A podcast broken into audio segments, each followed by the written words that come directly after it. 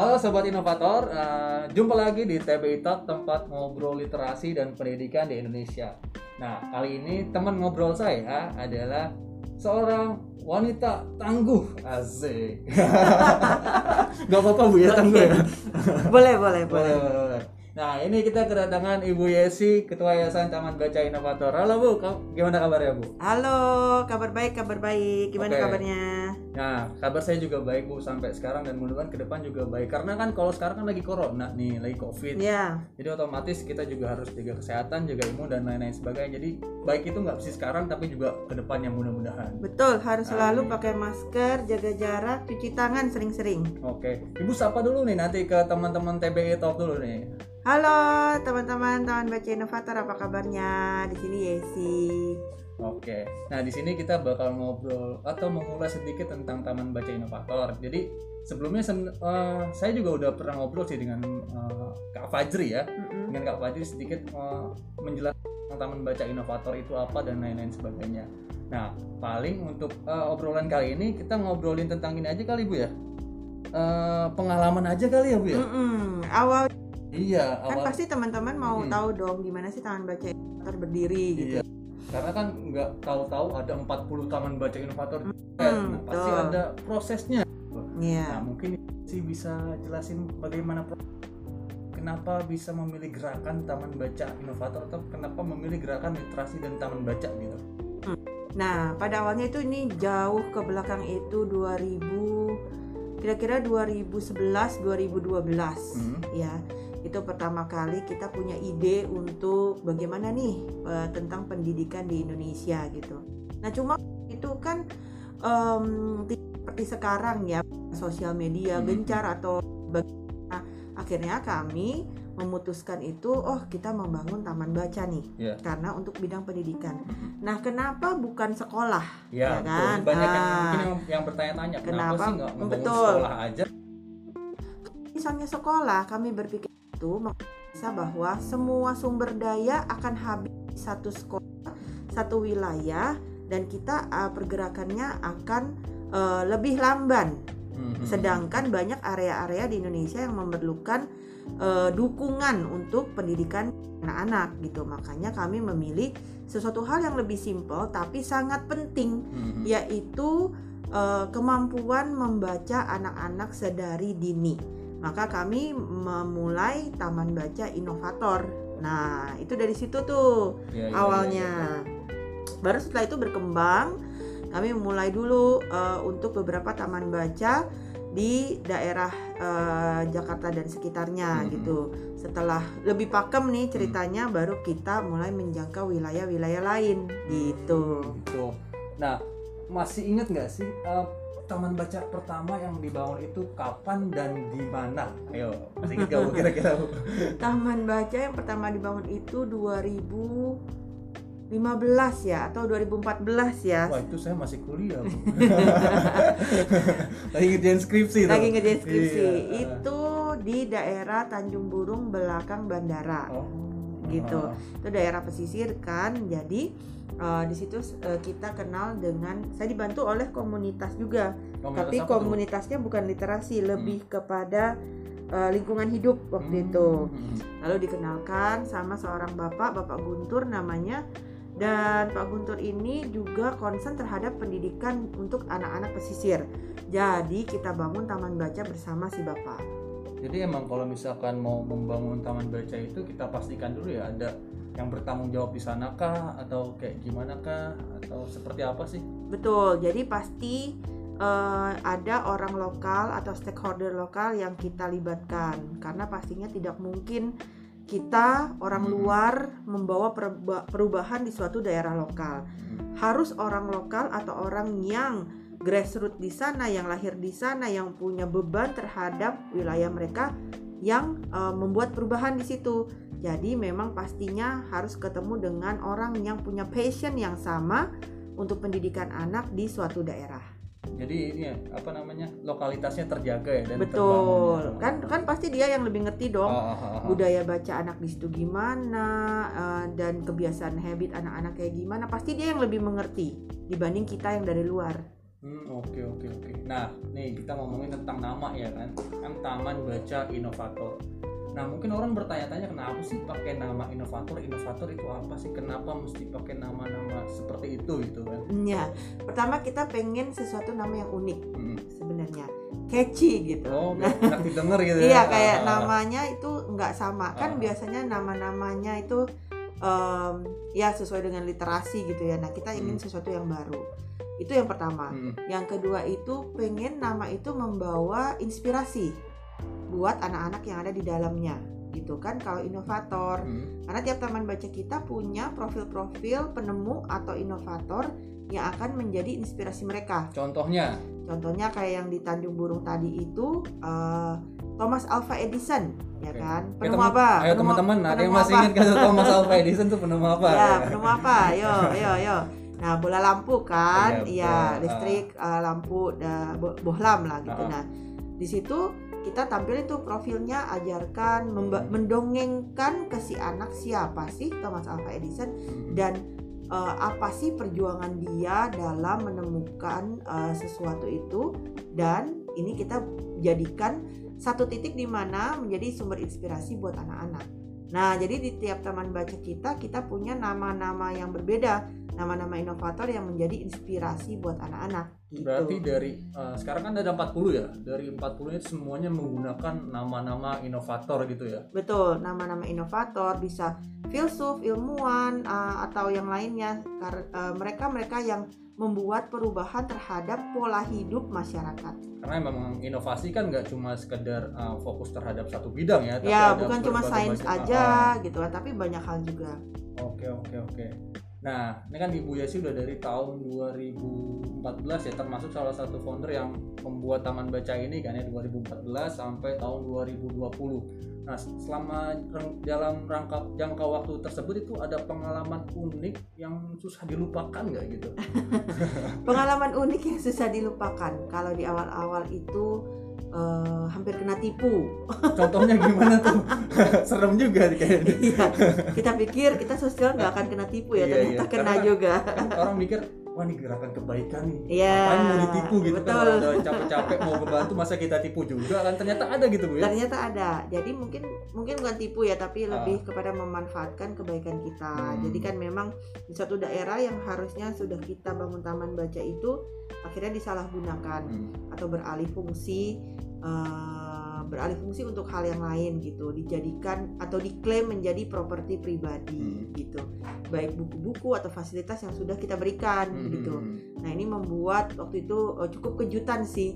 Oh ternyata kita udah baik ya dan tapi harus kita tetap menjaga Hmm. dan punya sikap kritis gitu ya terhadap semua wilayah yang kita masuki. Itu It- sih yang dipelajari. Itu daerah mana tuh buku?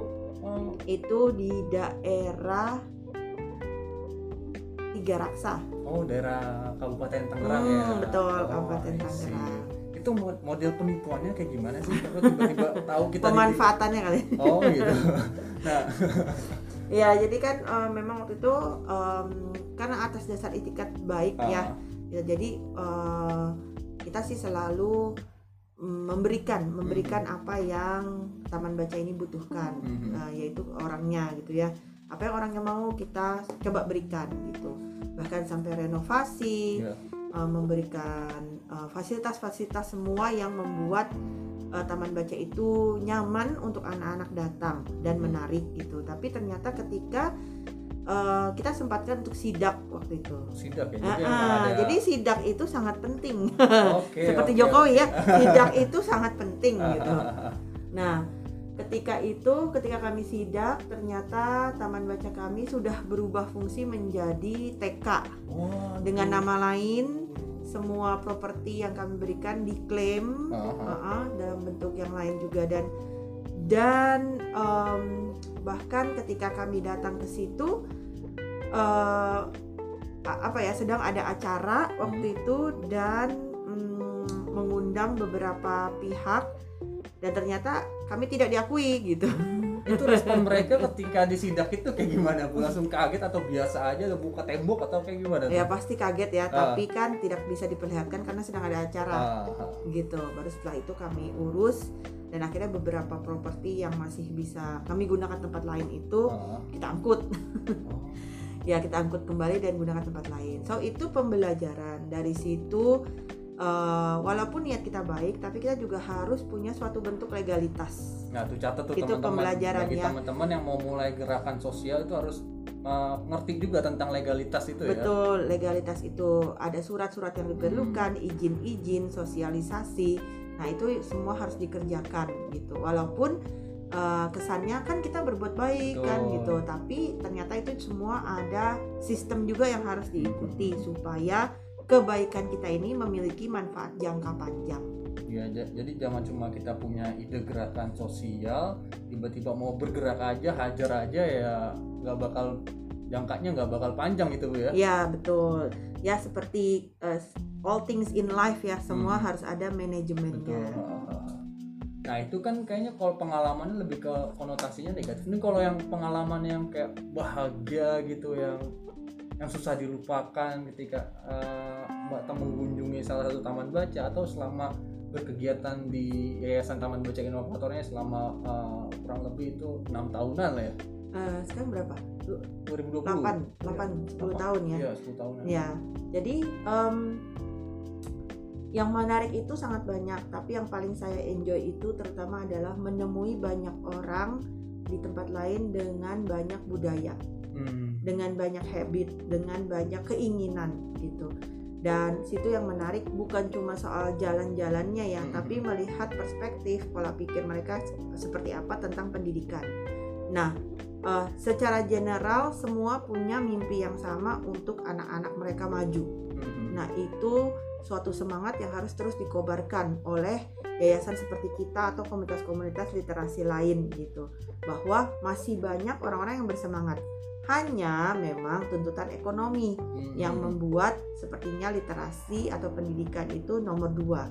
Tapi sekarang sudah beralih saya kira ya, sudah banyak eh, yang eh, melihat bahwa di mana nih kita mau mulai untuk menyelesaikan hal-hal kehidupan ataupun di Indonesia, yaitu mulai dari pendidikan.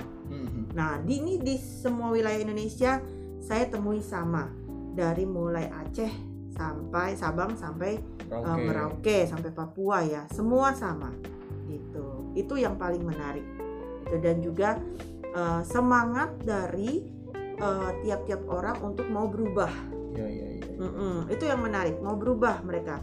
Mau untuk mau menerima orang dari luar wilayah mereka menerima program kita meng, eh, menjalankannya dan akhirnya eh, bisa membuat perubahan di wilayah tersebut Oke, menarik kan karena dari tadi kan ada kata menerima ya. kan? Mm-mm. Bagaimana kita datang dengan kebaikan, ada yang menerima kebaikan tersebut.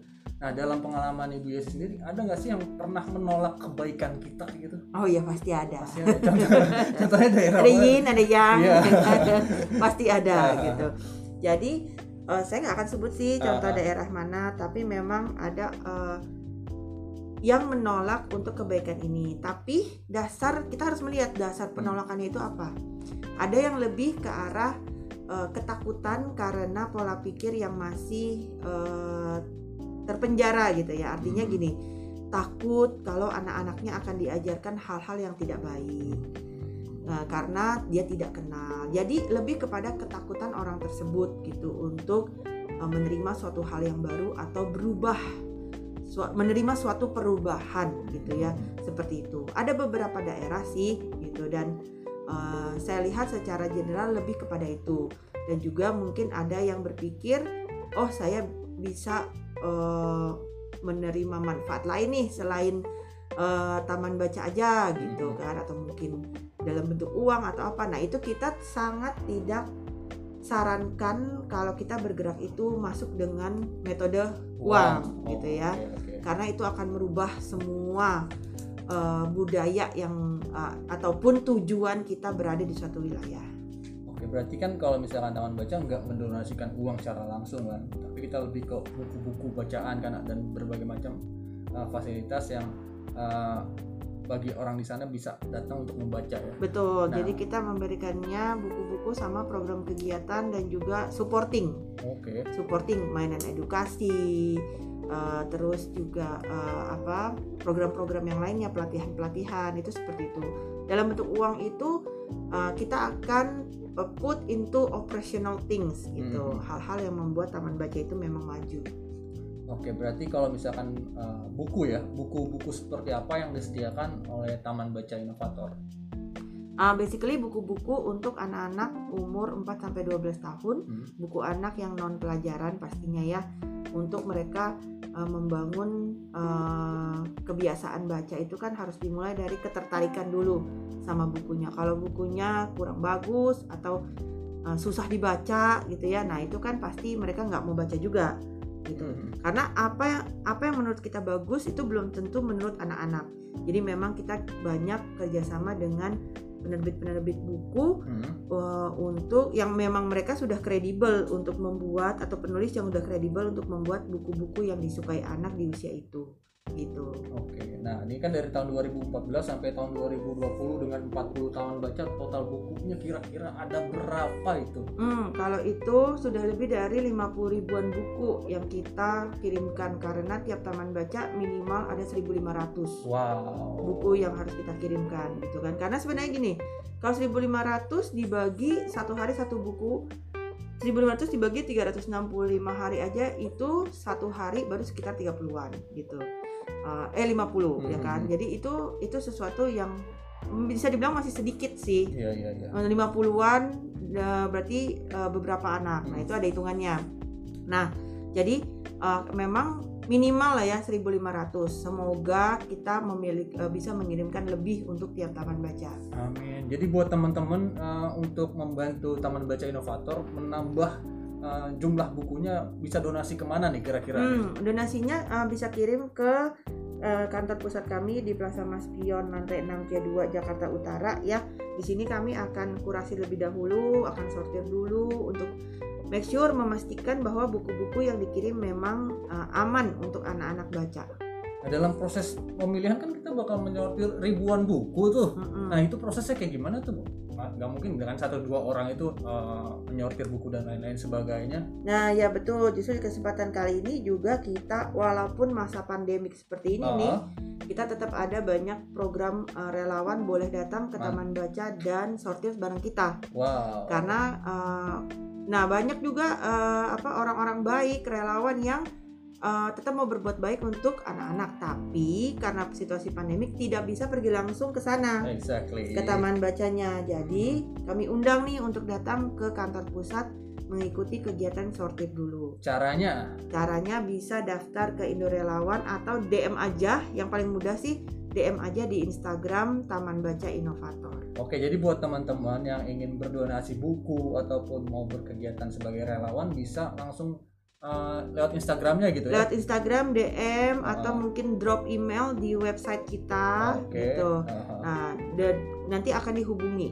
Oke, oke, oke. Nah, ini kan dari tahun 2014 sampai tahun 2020 kan ada berbagai macam uh, proses, ada berbagai macam kegiatan. Nah, untuk Bu Yesi sendiri punya nggak harapan pribadi untuk taman baca ataupun pendidikan kita secara garis besar? Nah, pas ini kebetulan eh, eh bukan kebetulan sih ya, tapi memang kita ingin di tahun depan itu kita meningkatkan daya baca anak-anak. Jadi Nah. tidak cuma eh, kebiasaan aja, tidak cuma minat aja, tapi juga daya bacanya. Kita further the next steps di dalam literasi ya kan. Di daya baca ini bagaimana caranya kita menerapkan program-program yang sedang kita susun untuk meningkatkan daya baca mereka. Dari daya baca yang meningkat itu pasti akan timbul skill-skill lain yang juga akan ditingkatkan. Baik itu kreativitas mereka, penyelesaian mereka, penyelesaian masalah ya kan. Contohnya kayak situasi corona seperti ini. Anak-anak kelas 1 2 SD kan hanya baru diberitahu aja, oh ada corona nggak boleh keluar rumah.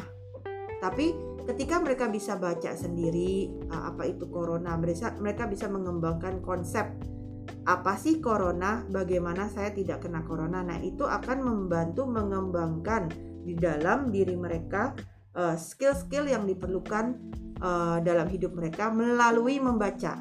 Oke oke berarti Gitu. cuma sekedar kita ngajak mereka baca ya, tapi pengennya mereka juga paham apa yang mereka baca gitu ya. betul paham yang dibaca Hmm. dan juga em, tidak cuma tidak cuma baca aja tapi bisa menerapkan apa yang dibaca itu dalam hidup Oke jadi bisa ini ini dari ya? anak-anak nih Iya, ya iya, dari iya, iya. anak-anak walaupun kesannya oh kayaknya berat banget sih buat anak-anak gitu Padahal kan mah bisa ya kalau misalkan kita usahain gitu ya. betul jadi kita mulai dari hal-hal kecil dulu ke anak-anak nih nah ini program-program ini yang sedang kita susun juga itu harapan saya kita menemukan di 2022 ini 21 oh 21 udah kemajuan 2021 ini eh, program yang tepat untuk hal itu ya kan? Kita sedang Oke, lagi oke. membuatnya nih. Buat yang dengerin podcastnya mungkin kalau oh saya punya input atau saya punya eh, hal yang mau saya sampaikan mengenai programnya ibu boleh ya kontak kita juga DM aja atau email. at Taman Baca Inovator. at Taman Baca Inovator oke.